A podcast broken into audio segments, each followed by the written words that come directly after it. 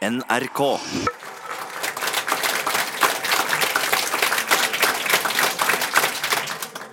Velkommen til debatt på KK på schizofrenidagene i Stavanger. Er samtaleterapi bare et gode, eller kan det også være til skade? Og bør vi samtale mer om dårlige samtaler? Med oss til å bore inn i dette temaet har vi Gro Harestad, Leif Edvard Ottesen Kenel, Jørgen Flor og Dag Stormbo. Jeg heter Kjersti Gulliksen og er fagredaktør i Psykologtidsskriftet og skal lede samtalen.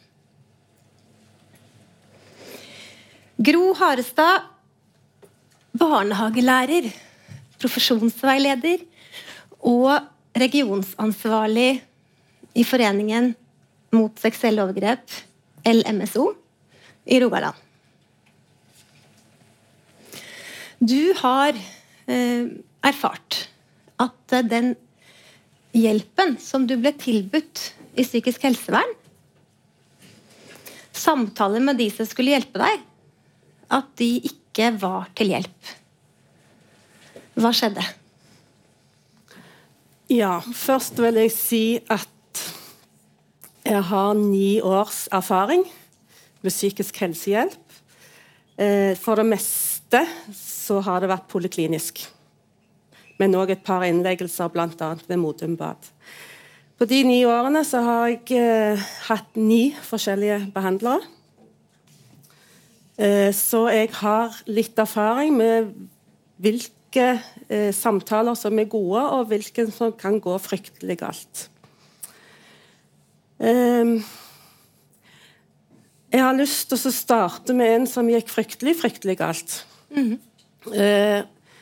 og det var eh, med en eh, privat psykolog Eh, som vi tilfeldigvis fant på en liste over avtalespesialister.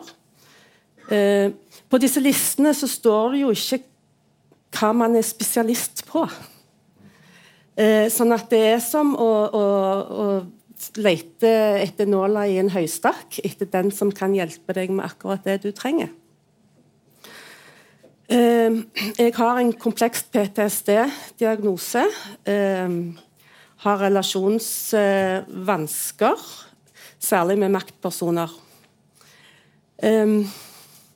denne terapeuten var veldig taus, og det er triggende.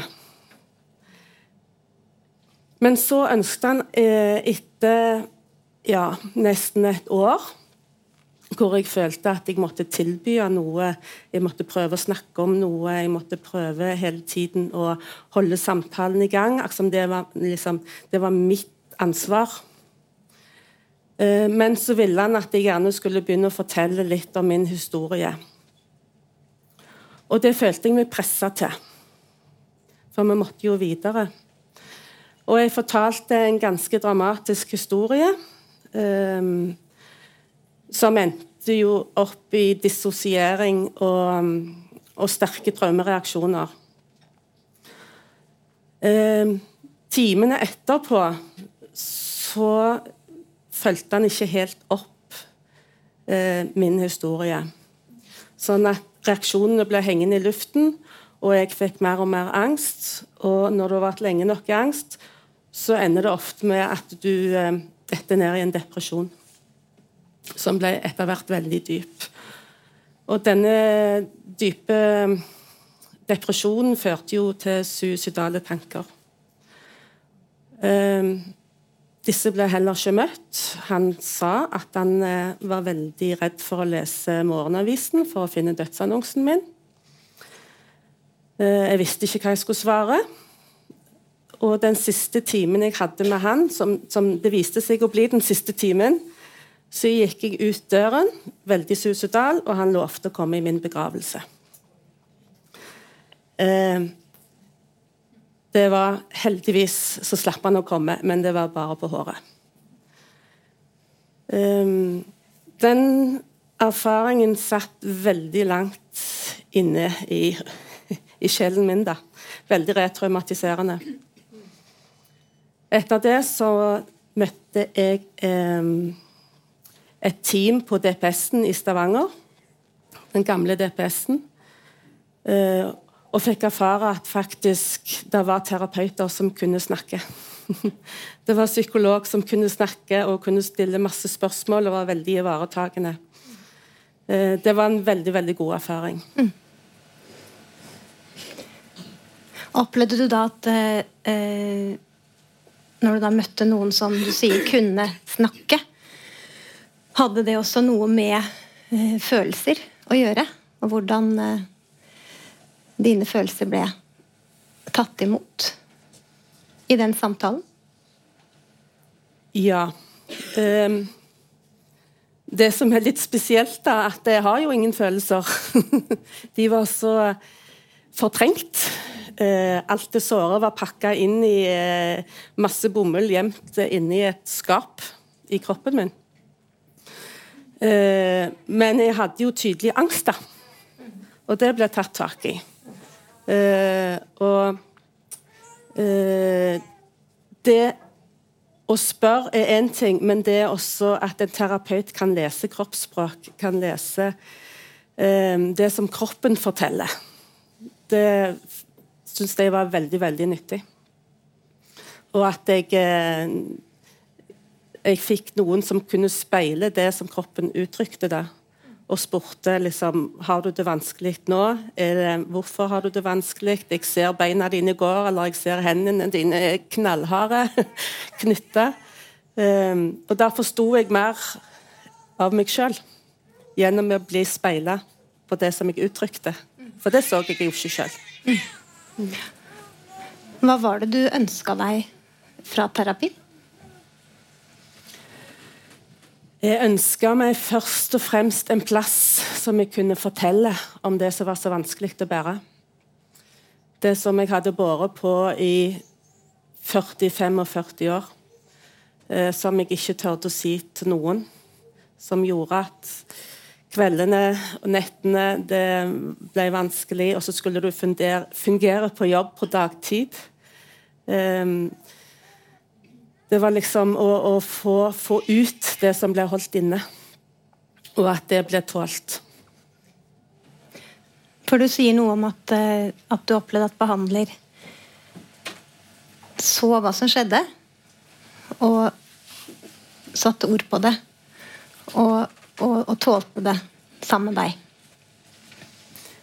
Ja, på en måte så Altså, det som du som barn opplever eh, som veldig traumatiserende, blir jo ofte ordløse opplevelser. Sånn at du mangler jo ordene på deg sjøl.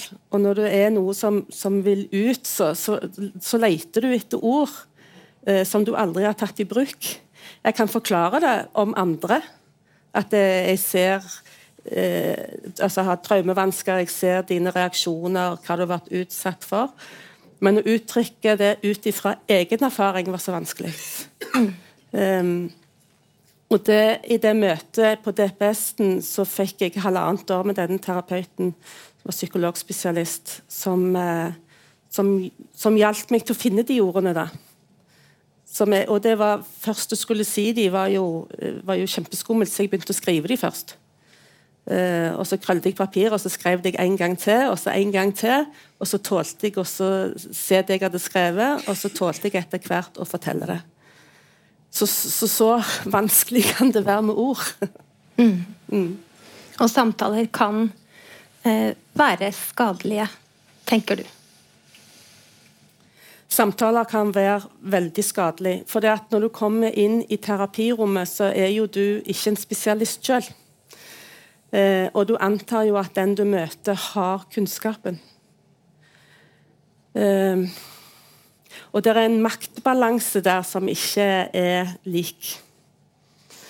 Jeg var kjemperedd, eh, både for å møte, men jeg ville jo bli bedre. Og jeg visste jo at de var utdannet og hadde kompetanse på det jeg trengte hjelp til. Men eh, det ble litt vanskelig etter hvert. Eh, i en senere terapiforløp da, hvor jeg ikke fikk eh, lov til å snakke om min historie. Det var et ikke-tema som ikke skulle opp. Altså, og det var eh, en veldig tung tid.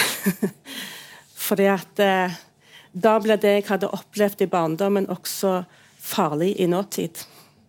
Det ble et eh, et tema som ikke måtte opp, for det, det var skummelt. Du, det et, du, kaller det for et stabiliseringshelvete? Ja. er det riktig ord? Eh, etter denne gode terapeuten som jeg hadde på DPS, eh, så måtte jeg bytte behandler eh, på DPS. Eh, og gikk i poliklinisk behandling hos to forskjellige gjennom tre år og sto på stedet hvil. Min historie skulle ikke snakkes om. Og da føler du at du er et stabiliseringshelvete som du ikke kommer ut av. Og du har en altså De, de traumer du bærer på, lager jo reaksjoner i kroppen din kontinuerlig. Å gå og bære på det som er angstfullt, det som gjør vondt i kroppen, både fysisk og psykisk, i tre år, uten at det blir tatt tak i, eh, det var skadelig for meg. Mm. Jeg vet at du har, du har flere historier med deg, både om på hvilken måte man kan bli dårligere av å gå i terapi, men også um, flere ting du tenker at kan uh, være bra med terapi. Mm. Men vi skal gå litt videre nå. Um, uh, og Jørgen Flor, psykolog i psykisk helsevern mm. og i privatpraksis. Mm. Eh, du har skrevet en bok sammen med Leif Edvard Otten Kner, professor i psykologi ved NTNU.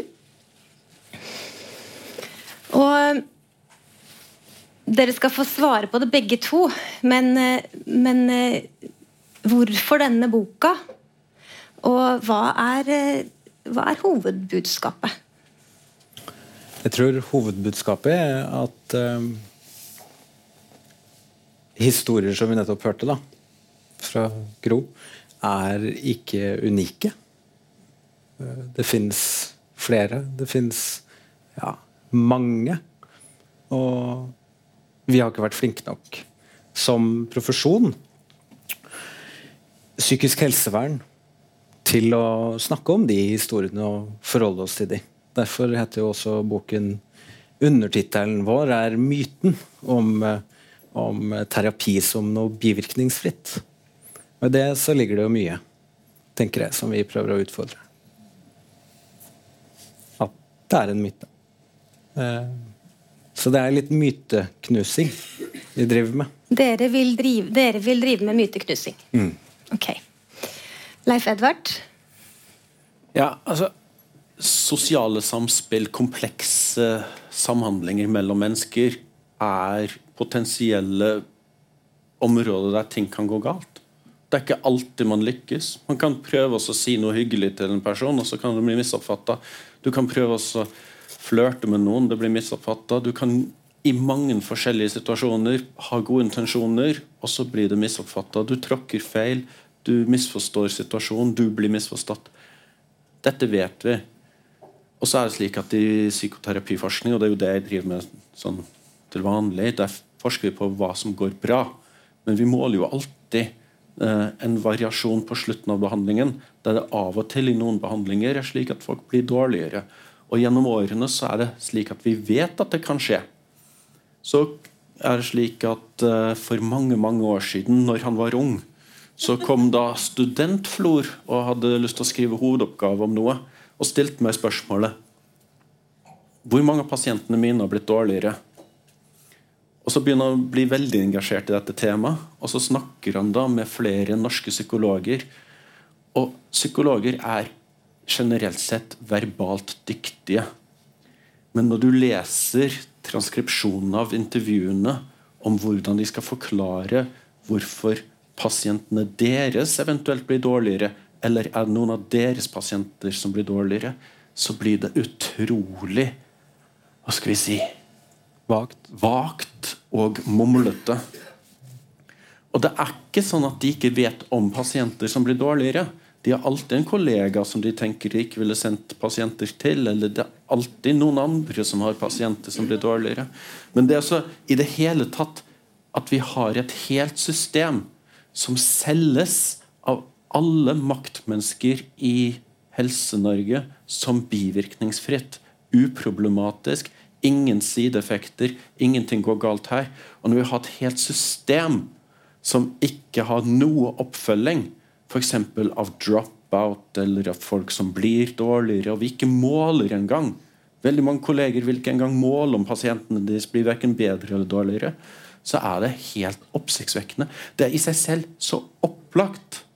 Og så er det som at vi har latt en hel del av helsevesenet slippe unna kvalitetssikring. Og det er skummelt.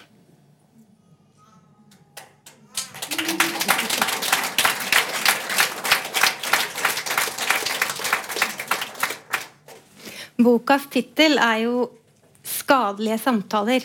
Myten om bivirkningsfri terapi'. Um, Dag Stormbo, psykologspesialist og hovedtillitsvalgt uh, i Psykologforeningen. Ja. Er samtaler, kan samtaler være skadelige? Eh, hvis vi nå tenker at min rolle er å være litt motpol her, da, så, så vil jo spissformuleringer være at en samtale er ikke skadelig i seg selv. Hvis vi tenker oss et barn som uh, møter foreldre som ikke snakker med det, så vet vi at det er ekstremt skadelig. Vi vet at vi trenger å snakke sammen. Uh, så samtaleterapi er en en viktig og god idé. Men historiene og eksemplene og forskningen viser jo at det går galt en del ganger. Altså Det er til og med tall som er sånn 5-10% av alle terapier er rapportert at pasienten eh, der de har forska, 5-10% føler seg dårligere etter terapien enn før de begynte. Og det er mange flere som ikke syns de ble bedre. Så vi har absolutt noe å snakke om. Og jeg er kjempeglad for dette temaet. At vi reiser opp måte, når terapi ikke virker eller virker negativt. Men eh, for å følge opp opponentrollen litt da. Jeg er ikke enig i at vi snakker om myter om eh, at, at man ikke kan bli dårligere etter terapi. Det, det tenker jeg alle kolleger vet om. Alle som har lest noe psykoterapiforskning, vet om det. Og at kanskje vi som profesjoner ikke markedsfører at det går dårlig en del ganger, det tror jeg vi er ganske eh, like med de fleste andre profesjoner. Du har dårlige lærere, du har dårlige advokater. I alle profesjoner er det, er det noen som ikke får til. Um, men i vår profesjon så kan det være veldig ille når vi ikke kan det vi er satt til å gjøre. Eller har um, fikse ideer som vi hvis, prøver å markedsføre. Hvis det ikke da er samtalene eh, som er skadelige, hva, men eh, mange pasienter kan bli dårligere av terapi, så mange som 5-10 Hvis jeg, hvis Hva er galt når det går gærent? hva som er galt? Én ting er jo at vi tilbyr noe som folk ikke egentlig ønsker seg. Altså En god del som går i behandling, er sendt av andre, f.eks. Eller de har kommet av fri vilje, men terapeuten har overtalt dem at det er dette vi trenger å jobbe med.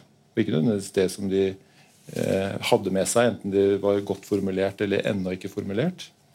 Så når det går galt, så er det mange, mange årsaker. Men det å ønske seg å prøve å snakke med noen når man har det vanskelig, er er, kan aldri være galt. Så lurte jeg på om du også tenkte noe omkring terapeutens rolle. da. Eh, Du sa noe om at terapeuten har kanskje ikke evne til å fange opp eh, om eh, et menneske er en kandidat for terapi. Det er en mulighet. Eh, Ja, så terape Terapeuter er like forskjellige som folk flest. Altså de er vel, hvis det forskning sier noe, så er vi litt galere enn eh, folk flest. eh, litt mer eh, speisa. Jeg tror det er noe forskning som sier det. Men eh, Hø- Høyere på åpenhet. høyere på Høyre på åpenhet. åpenhet det er egentlig greit. Jeg liker det. Ja. Eh, Men vi er veldig forskjellige, og vi går gjennom i hovedsak en akademisk utdanning, altså en teoretisk utdanning. Og så får vi en del praksis og veiledning og undervisning i eh, hva vi skal gjøre i, i eh, terapirommet. Men noen av oss får det ikke ordentlig til. Så vi er ikke gode nok? Som i gjennomsnitt? Nei, vi er ikke gode nok. Vi kan aldri si vi er gode nok.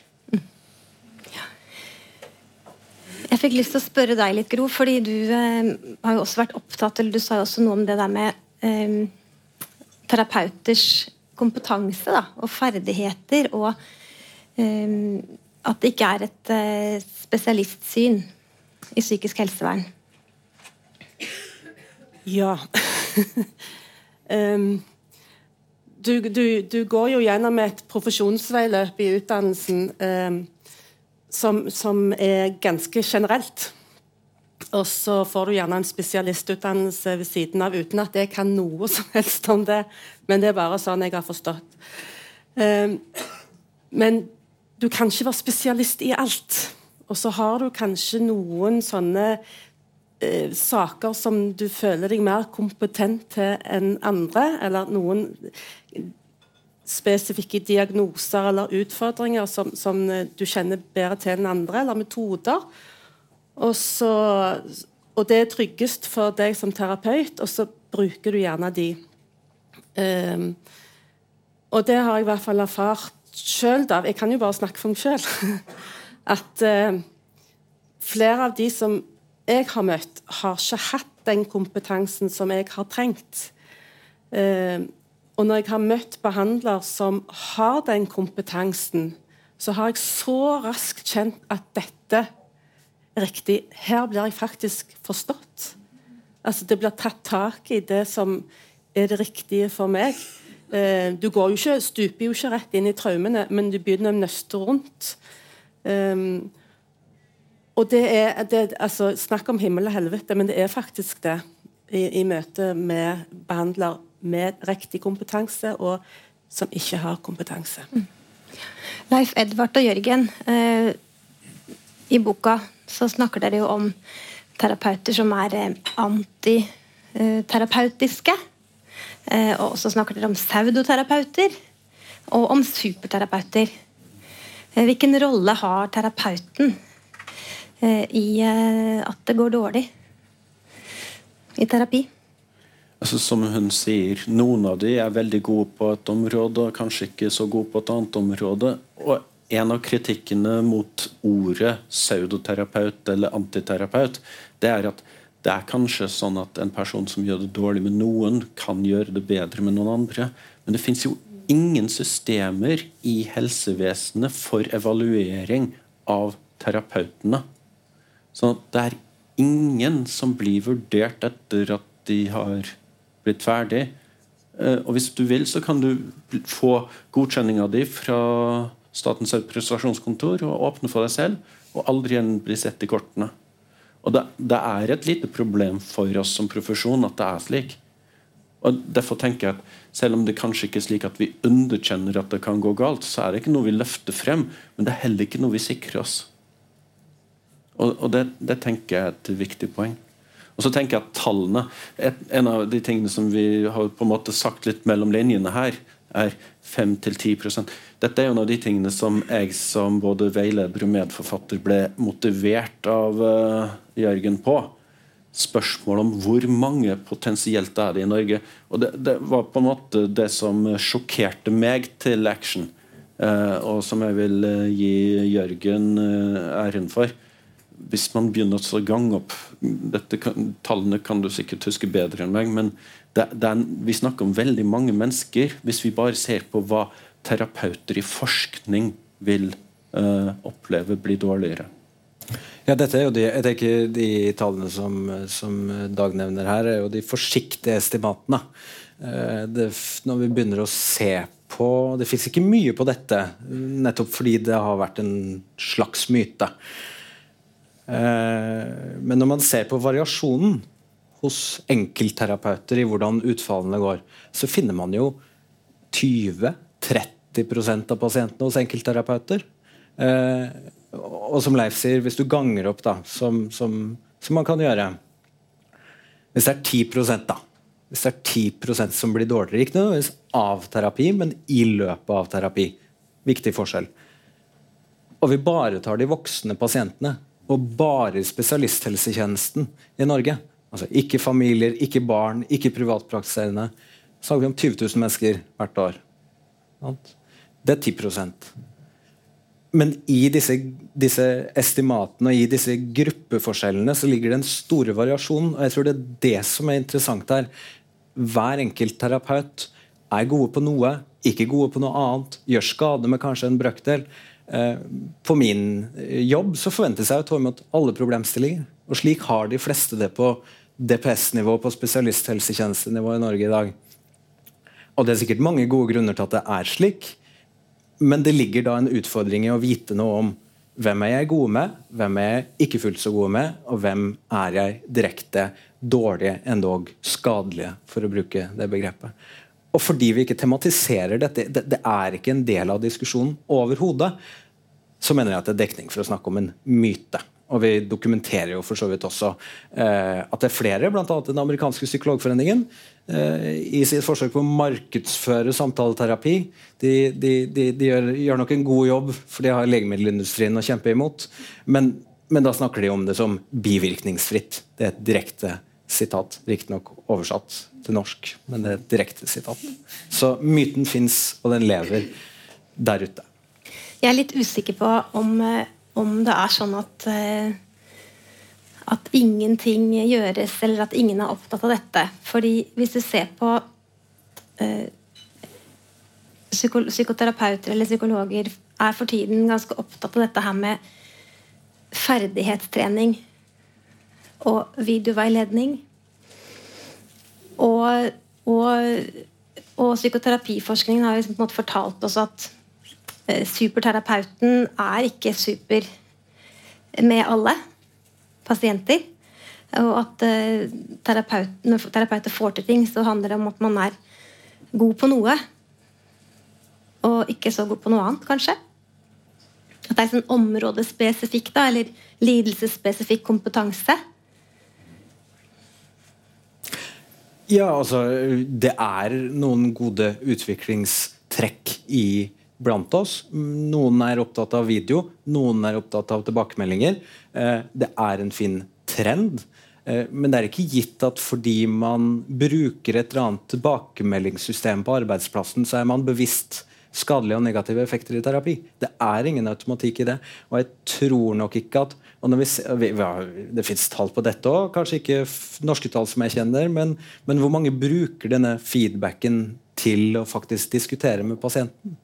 Eh, det ser ut som det er ikke så mange. Eh, sånn at, så, det er mange ledd i dette. Jeg er helt enig i at det er en positiv utvikling i enkelte kulturer som prøver å legge til rette for gode rammer for video, eh, og sånn at man tar opp terapien på video og ser på den sammen med den andre i ettertid. eller at man bruker et slikt tilbakemeldingssystem hvor man spør systematisk hvordan går det med deg, du som er pasient hos meg. Det er positive tendenser, ja. Men vi er ganske langt unna mål. Det er vi. Jeg tror Dag skal få kommentere først. Ehm, jeg er enig, vi har et godt stykke å gå. Men men er, jeg tror det er betydelig bedre bare enn for 10-15 år siden. Men jeg har lyst til å ta opp et litt annet perspektiv. fordi Idealet må jo være at hvis 100 mennesker går til en psykolog, så er det 100 mennesker som går derfra og er fornøyd og syns at de fikk noe igjen for det. Men et perspektiv som tenker jeg er kjempeviktig, er at det er 100 mennesker som eh, sliter med et eller annet, som ønsker hjelp til noe. Og så er det da én eller 100 psykologer som, eller andre psykoterapeuter som møter disse, og som prøver sammen å få til noe. Sånn at det er ikke sånn at vi, vi må ikke komme i den fella og tenke at fordi noen oppsøker hjelp, så må det bli et, et positivt resultat. Altså Det er to frie mennesker som prøver å snakke sammen og finne ut av noe sammen. Altså Det at vi prøver noe sammen, er etter mitt skjønn essensen. Og vi vil gjerne lykkes, men hvis vi lager en type oppsett for, eh, for um, terapi som innebærer at pasient eller terapeut er mislykket hvis man ikke alltid lykkes, Da har man på en måte eh, gjort terapi til noe instrumentelt. Altså en, en, maskin der vi på en måte går inn i den ene enden, og så skal vi komme ut med et garantert resultat i den andre enden. De, altså det er også en, en, en, på en måte en eh, for å spørre på en annen måte, altså Hvor mange må vi regne med at det er rimelig ikke skulle ha nytte av en samtale? Når intensjonen er at vi, vi prøver å få hjelp, og vi prøver å hjelpe. Og ikke kan garantere noe på forhånd. Vil du kommentere på det, Leif Ja, veldig. Fordi av, jo, men det her er faktisk en veldig viktig ting for meg. Jeg, jeg forsker jo på terapi fordi jeg tror at terapi virker. Og jeg er jo psykoterapeut og psykologspesialist fordi jeg har lyst til å hjelpe. Og jeg tenker at en av de viktige og helt grunnleggende sidene ved, eh, med vår bakgrunn er at dette er jo fordi vi er glad i ideen om terapi og ønsker at terapi skal bli bedre. Og jeg tror En av de beste måtene å føre til bedre terapi i generelt i hele behandlingssystemet, det er å løfte gulvet og passe på at alle i hvert fall blir ivaretatt, spesielt når det begynner å gå utforbakke. Og det her er det vesentlige poenget mitt.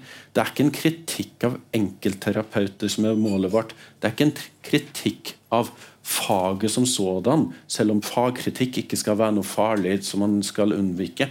Og det er ikke kritikk av psykoterapi som tjeneste. Det er det faktum at f.eks. hvis det er en ansatt i offentlig helsevesen som har over gjennomsnitt drop-out fra behandlingen sin. Hvor mange av de blir fulgt opp i ettertid? Er ledelsen motivert til å finne ut hvorfor det er drop-out her? Hvis man dropper out fordi man ikke følte seg møtt fordi behandlingen var dårlig, så har man plutselig en terapeut som har større turnover. Og sånn sett er ledelse positiv behandler. Men, men de som faller ut, uten å blitt bedre? Blir de ivaretatt? Lærer de noe negativt om seg selv som medfører at de ikke kommer inn i behandling igjen ved en senere anledning? Er det sånn at de i livet sitt mottar mindre nødvendig helsehjelp? Og I så fall så er noe så viktig som drop-out ikke satt på dagsorden. Vi har ikke noe oppfølging av det. Den eneste personen som kan ta tak i det og gjøre noe med det, det er fastlegen. Og hva vet fastlegen om hva som foregikk? Så her har vi ett lite eksempel. Mitt problem er hvis vi har et helt system som følger opp bivirkninger i somatisk helsevern, i kirurgi, og så glemmer vi en del, faktisk den som jeg er mest glad i, eh, min egen del, og glemmer å følge opp om det går galt, og ikke har noen systemer på plass for å følge opp, da har vi et problem og det må belyses. Det er ikke dermed sagt at vi ønsker at folk ikke skal gå i behandling. Men vi må, vi må ivareta hver gang det går galt. Og Det syns jeg er et minimumskrav. Dropout er jo én ting.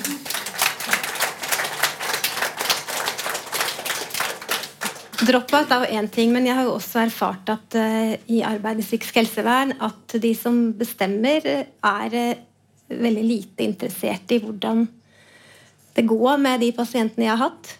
Det er ingen som er opptatt av om de føler seg møtt eller forstått eller hjulpet. Men de, er, de som bestemmer, de har vært veldig opptatt av om jeg liksom signerer journalnotater raskere med min egen skygge. ikke sant? Passe på å levere sluttrapporter innen syv dager. Og at, nok, og at, jeg har nok, at jeg har nok, antall pasienter ja, hver dag. Jeg vil, jeg, vil, da si, Når du sier det, og Dag kommer den kritikken han kommer med, det er det som er instrumentelt. ikke sant? Det er da vi objektifiserer alt. Hvis vi, hvis vi heller ivaretar folk som det ikke går bra med, og gjør det til et poeng, så tenker jeg at det er jo langt mer humant. Og da er det jo kanskje et systemproblem? Selvfølgelig er det et system. Det er et alvorlig systemproblem. Det er lov å klappe. Um, på den ene siden så kunne jeg ønsket meg masse målinger eh, før pasientene kom inn, mens de var inne, til hver time, for hver, hva som skjer i timen, etter timen, før neste time, og når de slutter. Eh, og vi gjør lite i dag. Altså, bortsett fra forskning så er det enkeltstående miljøer som har uh, systematiserte tilbakemeldingsrutiner og følger det opp. Det er ikke noen nasjonale krav som sier at du skal ha uh, Nå ligger det vel i pakkeforløpene at det skal være sånn uh, feedback-systemer, en forventning om det, så det kommer mer og mer. Dilemmaet er at hvis vi putter inn mye ressurser og mye tid, ber pasientene og de ansatte om å bruke mye tid på disse eh, kontrollsystemene eh, eller oppfølgingssystemene. Vi risikerer også bare en ytterligere skrue av byråkratiseringen som foregår i sektoren. Fordi Vi kan samle masse data, men hvis vi ikke har kultur for å bruke disse dataene, så er vi like langt. Dvs. Si vi er kortere. Fordi vi har pålagt både pasienter og, og, ansatte en masse arbeid som ikke nødvendigvis uh, ender til noe. Så Hvis vi følger opp uh, Leif Edvard, så kan vi si at én ting er å få til strukturer, uh, da, skjemaer osv. Uh, men essensen er å få til kultur. Kultur for å følge opp behandlingene. Altså når, at det ikke bare blir sånn som du nevnte eksempel på når du skriver uh, epikrisen, så har du liksom fri til å ta inn en ny. Så er vi glad for at du har ledig for å ta inn en ny. Uh, og det, det er Vi er langt igjen for å både for, for, å ha kultur og for å finne ut liksom, balansen i hva er det vi skal samle av, av data. Fordi vi får nå med disse pakkeforløpene en masse nye krav til registreringer. Sånn som jeg oppfatter vil gi veldig lite klinisk effekt. Eh, men, eh, men som, eh, som, oppleves som ganske belastende for, for, de som skal, i tillegg til å gjøre det som oppleves som kjernejobben, og snakke med folk, og etterpå skrive journalnotat om det, så skal man følge opp alle disse registreringene som skal bli til pakkeforløp. Gro? Ja, eh, Der kom du inn på en fanesak for meg. Fordi at eh, Um, hva skal du skrine, og hva skal du fange opp, og hva skal du sjekke? Um, der er det veldig mange, uh, både som jeg har erfart sjøl, men mange andre, som opplever det beste. Altså, det første du må jo sjekke, er om pasient og behandler oppfatter ting likt.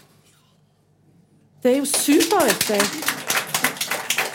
For det som mange opplever, er at når de leser journalen sin, for nå kan jo noen komme inn og lese journalen sin, og der finner du spennende ting. Og det, det kan være helt totalt forskjellig i forhold til hva du hadde prøvd å si, og hva du trodde at behandlere behandler oppfatta. Eh, og som da behandler eh, kan eh, sette inn i et symptombilde, eller velge en behandlingsvei men så er det jo ikke det du har prøvd å si i timen. Det er faktisk noe helt annet. Um, så i all screening, i all kontroll, start med pasienten først. Ha en metasamtale før timen starter. Hvordan har det vært siden sist? Hvordan opplev, har du opplevd, hvordan opplevde du den siste timen? Um, og snakke litt om det. Og så avslutte timen med 'Hvordan var dette for deg?' Hvordan var dagen i dag for deg, timen for deg? Um, og der, Allerede der kan du få vekk ganske mye som, som, uh, som kan bli oppfatta feil, eller mistolka. Og det vi vet fra forskning, er jo at uh, pasienter tar jo ikke så veldig ofte opp dette, eller de tar ikke opp det med terapeuten sin. Hvis de, hvis de uh, opplever vanskelig relasjon, eller, eller at de ikke får det de de trenger. Ja. Du er jo livredd for å miste plassen din. Du er jo mm. livredd for å kritisere noen. Mm. Eh, og det å kritisere er gjerne et symptom som du sliter med i utgangspunktet. Og så skal du rettesette behandleren din. Det, det, det går jo ikke, vet du. Um, så um, ja. Men jeg hører at du er også litt eh, Deler kanskje som med Dag litt den skepsisen til enda mer måling og registrering. At du er opptatt av eh, ja, Hva kan vi få til i terapirommet? Nå sitter jeg som representant i uh, Helsedirektoratets brukerrop. Mm -hmm. eh, sammen med veldig mange organisasjoner eh, og snakker veldig mye om pakkeforløpene. og alt dette som da skal eh, registreres til enhver tid med knapper her og knapper der, og så sendes alle data inn til noe sentralt. Eh, og ingen av organisasjonene er spesielt happy for at enda mer tid skal gå til slikt arbeid.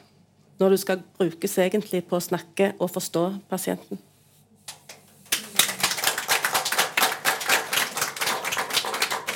Jeg har lyst til å øh, følge opp noe av det øh, Gro sånn at jeg er elendig på navn, sier om og, øh, hvordan vi starter samtalen, eller kanskje enda viktigere starter kontakten. da.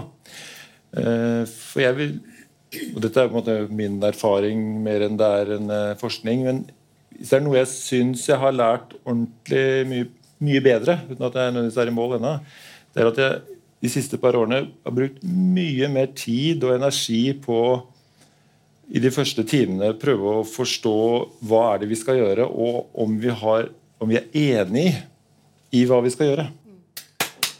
Eh, fordi det er veldig lett at eh, terapeut og pasient har en skinnenighet.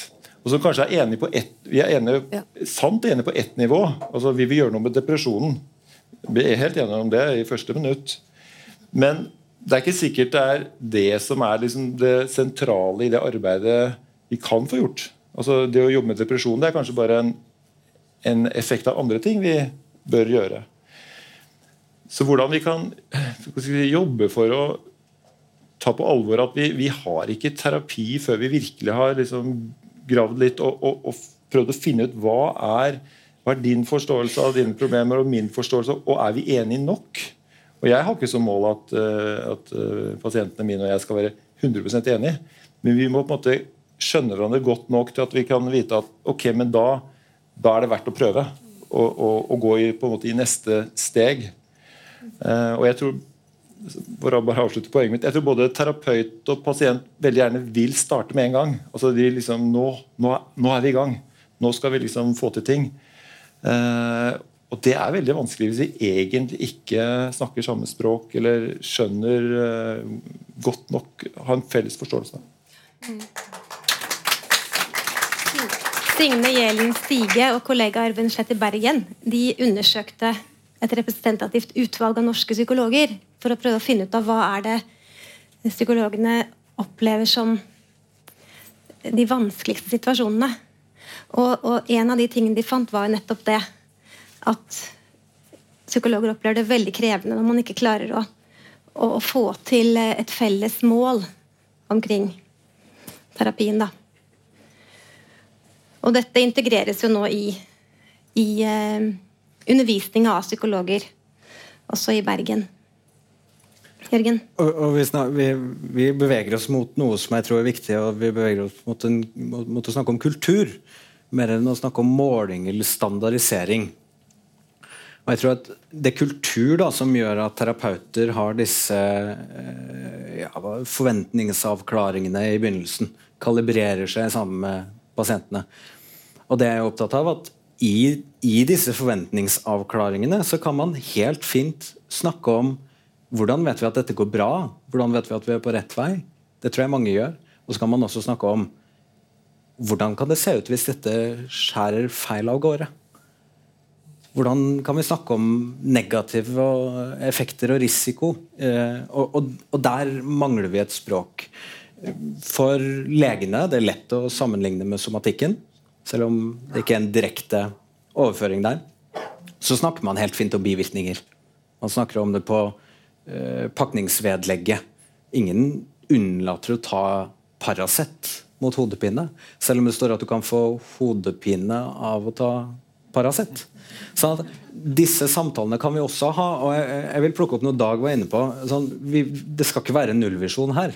Det er helt urealistisk at vi får uh, eh, 100 pasienter inn på kontoret, og 100 går friske og lykkelige ute, ut igjen. Vi, vi, er ikke der, vi kommer antageligvis uh, aldri dit, og det er helt greit. Men vi må ta høyde for at det kan gå gærent også i disse innledende samtalene. Det er å ivareta pasienter som kan ende opp med eh, dårlige erfaringer fra terapien. Mange kan gå hjem og skylde på seg selv, for de tror at eh, risiko og negative effekter ikke fins. Så det må vi opplyse om. Det må vi snakke om. Så må vi lære oss hvordan vi skal snakke om det. Her tror jeg dere er ganske enige, ja, men jeg tror dere kanskje er uenige når det gjelder hvordan vi skal snakke om, eh, om dårlige samtaler i terapi. Og da, da er litt ute etter det der bivirkningsordet som, som, du bruker. ikke sant? Fordi, for å sette litt på spissen, da. Eh, hvis man får foreskrevet eh, Sobril mot angst, så står det på pakningsvedlegg at du, du, kan få mer angst, og du kan utvikle avhengighet av det. Mm. Vil dere liksom ha nå setter jeg på spissen, men vil dere ha det på døra til alle psykoterapikontorene? At liksom Nei, overhodet ikke. Um, og det trenger vi heldigvis heller ikke. Uh, jeg er ikke så opptatt til å begynne med når jeg holdt på med dette, så var jeg veldig opptatt av dette språket. Hva kaller vi det? Forskere jeg er veldig opptatt av, av språket hvor man kaller ting. og det det er, viktig i forskning. Og så kommer vi ut i klinikken, og så må jeg tror rett og slett hver enkelt terapeut må finne sin måte å snakke om dette på. Sånn som de har sin måte å snakke om hvordan få til god terapi. Så jeg er ikke så veldig bekymra for det. Og så bare kort, så har jeg lyst til å si det fins et par amerikanske studier som viser at psykologer og psykiatere som visste om bivirkninger og negative effekter av terapi, snakket mindre med pasientene sine om det. De var innforstått med at risikoen var der, og jo mer de visste, jo mindre snakket de med pasientene om det. Altså, Et paradoks. Kanskje er de redd for at de eh, påfører en slags sånn negativ forventning. Kanskje har de ikke språk om det, kanskje har de ikke kolleger de snakker med om dette. Så jeg tror at vi trenger bare å bli litt vant. Sånn som nå kommer jeg tilbake til denne eh, legemiddelsammenligningen. Sånn som legene helt fint har blitt vant til å snakke om bivirkninger og skrive om bivirkninger. Er det ikke en risiko for at vi da på en måte medikaliserer språket eh, rundt eh, psykoterapi? Nå skal Dag få si noe. Ja, takk. Fordi, jeg må si at Hvis det ikke var for det ordet bivirkninger, så tror jeg ikke jeg hadde vært med på denne debatten her i dag. Men hva vil du kalle det? Hva vil du kalle det? Jeg skal, ta, jeg skal, jeg skal svare på det. Vi har ikke kjempemye tid igjen, så du må prøve å være veldig, veldig, veldig to the point. Uh, uh, fra medisinen så har vi begrepet og ideen om bivirkninger. Og det er jo fordi vi tar et eller annet merkelig stoff som kanskje egentlig er gift, og så likevel har det noen effekter som vi velger å ta, vil ha. Og så får vi noe med på lasset. Det, det, bivirkningene er liksom det vi får med på lasset. Og Så er det spørsmålet kan vi få noe mer systematiske negative ting med på lasset av å snakke med en terapeut. Eller en lærer. Eller en advokat. Eller, eller hvem som helst. For meg er det litt sånn meningsløst med det ordet. Så når, Hvis jeg skal tolke positivt hva, øh, hva, mine kolleger her sier, så kan vi godt bruke det metaforisk. altså Det er greit. Men hvis vi skulle begynne å lage en bivirkningsliste for terapi, det gir litt mening for meg. Og disse, Jeg har lest en av disse amerikanske artiklene, og det, det er altså det mest komiske jeg har lest. Altså Gråt, det var der. Han var tysk. Han var tysk. Han var tysk ok. Gråt uh, var en bivirkning. Selvmord var en bivirkning. Altså det, det, det, det var så provoserende for meg at uh, Ja. Men vi, vi, jeg er helt enig med deg. Vi trenger et om vi trenger språk, vi trenger hvert å snakke mye mer om det. Og vi trenger, som flere har vært inne på her, å, å, å snakke om det i starten. Altså, noe av det jeg snakker om er, til mine pasienter, er jo at en av de store farene vi har, det er jo at vi kommer inn i noe som bare er dødt. Vi, vi holder på å snakke og snakke, og så går det kanskje Du blir kanskje ikke skadet av det, men du kanskje kastet bort et år. da. Hvis vi har etablert en, en type samtalerelasjon som, som, ikke egentlig du lærer noe av eller vokser noe på. Uh, og når, når, jeg tenker på det, den utfordringen som dere egentlig gir, så ja, vi trenger et språk. Jeg er bare livredd for bivirkning, for jeg tror det kunne ta av. Eh, og det kunne på en måte gi helt feil ideer om hva terapi egentlig er. Kunne det også føre til mer på en måte kontroll på, på overfladiske mål? Eller dårlige mål? Ja, det kunne du helt sikkert, men kontroll får vi mer av uansett. Så det er ikke vår skyld? Ikke nødvendigvis jeg, jeg, må få lov til å si noe om det her. fordi Det som samler psykologene å få enighet mellom dem og få de til å roe seg ned og følge folden, det er jo å si at nå blir du som en lege. Nå medikaliserer du. Og Da, da blir vi fryktelig nervøse og tenker nei, nei, nei, nei, det gjør jeg ikke. Så det skal jeg holde meg for god for. Men hør her. alle intervensjoner kan ha ikke-intenderte negative effekter. Og ikke-intenderte euforiske, herlige effekter. Det er ikke bare negative effekter av terapi. Noen ganger så får du massevis av herlig placebo som er akkurat det du ønsker.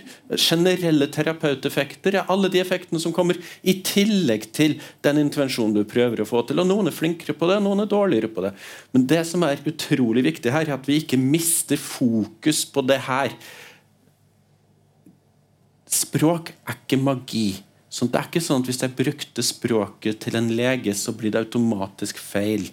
Leger er ikke så dumme at alt de sier må være feil. Og det er ikke sånn at ordet i seg selv er så mektig og magisk at det tar over. Hør her. Det fins ikke intenderte, mulige negative effekter av sosiale, komplekse samspill. Og hvis man tror at det er sant, så bør vi ha systemer på plass til å følge opp og ivareta. Og det, det er dere enig i, at det fins uh, ikke-intenderte, mm. komplekse effekter? Nemlig. Det er dere enig i, men dere er ikke enig i at vi skal bruke dette språket. Men nå skal Gro få si noe. Ja, det var jo dette med bivirkninger, ja. da. Uh, jeg har kjent på voldsomme bivirkninger, og så har jeg kjent på små bivirkninger. Uh, de små bivirkningene de går over, de. Hvis terapeuten tør å stå i det vanskelige sammen med pasienten. For Hvis du skal gå gjennom et behandlingsforløp, så vil du på et tidspunkt bli dårligere. Det, det, for, for, mange er det en naturlig prosess, for det, det, vonde skal jo ut. Det skal jo lettes. Eh, men hvis behandleren har kunnskapen om det og klarer å stå i det og trygge pasienten i akkurat den prosessen, så går de bivirkningene over. Sånn at det er et poeng, det er vanskelig å skille hvis vi bruker eh, ordet bivirkninger, så er det veldig vanskelig å skille mellom sant, hva er det som skjer når man går i terapi og kommer mer i kontakt med følelser, som er ofte veldig nødvendig. Eh, skal, skal, det være en bivirkning, eller skal det være noe annet? Dette er et kjempeviktig spørsmål som, som så man har vansker med å gjøre disse skillene. Jeg tenker at eh, Vi skriver litt om det som trening. Du går på trening, du får vondt, det er ubehagelig. Sant? Men du har, hvis treneren din har vært flink eller du har skjønt det fra før, en forventning om at det skal være ubehagelig.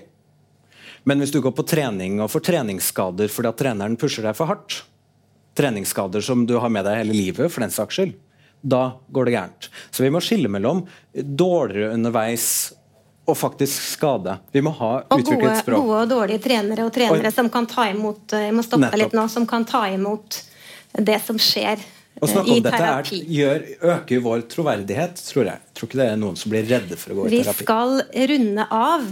Eh, nå ser det ut som jeg får Ikke ennå! Jeg har fem minutter nå. Ok, bra. kan jeg si mer om troverdighet, da? Veldig bra. Uh, nå må jeg bare samle tråden. To minutter igjen. Ja, nemlig. Det var det jeg trodde. da er vi på vei til å runde av. Og, uh, og, og, dere er jo veldig enige om at uh, samtaleterapi Folk kan oppleve å bli dårligere av det. Det er til dels et et individuelt ansvar hos den enkelte terapeut. ikke sant? Men det er også, eh, virker det som, i høyeste grad et systemansvar og et systemproblem. Og så har vi ikke fått snakka så mye om hvordan skal systemet ta ansvar for det.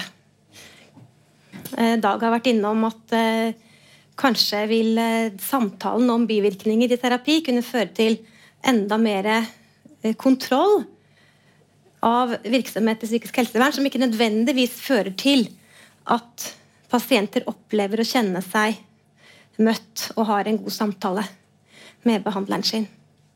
Gro, har du lyst til å si noe helt til slutt om hva, eh, hvordan, hvordan skal folk kjenne igjen den gode samtalen? Ja øh, Fasit, liksom. det var voldsomt. Men du har dårlig tid på det òg. Ja. det var veldig vanskelig oppgave. Altså Det som har vært viktig med meg, er at eh, jeg fikk en behandler eh, som jeg fremdeles har, eh, som sa 'Du er min kunde, så jeg er her for deg'. Hva vil du bringe til torgs? Um, det, det, det, var et helt nytt møte. Altså, det hadde jeg ikke opplevd før. At jeg skulle sette dagsorden. En, en annen ting er at jeg trenger en terapeut, en behandler, som er nysgjerrig, men trygg. Som tør å spørre og tåle å høre uten å bli vippa av pinnen.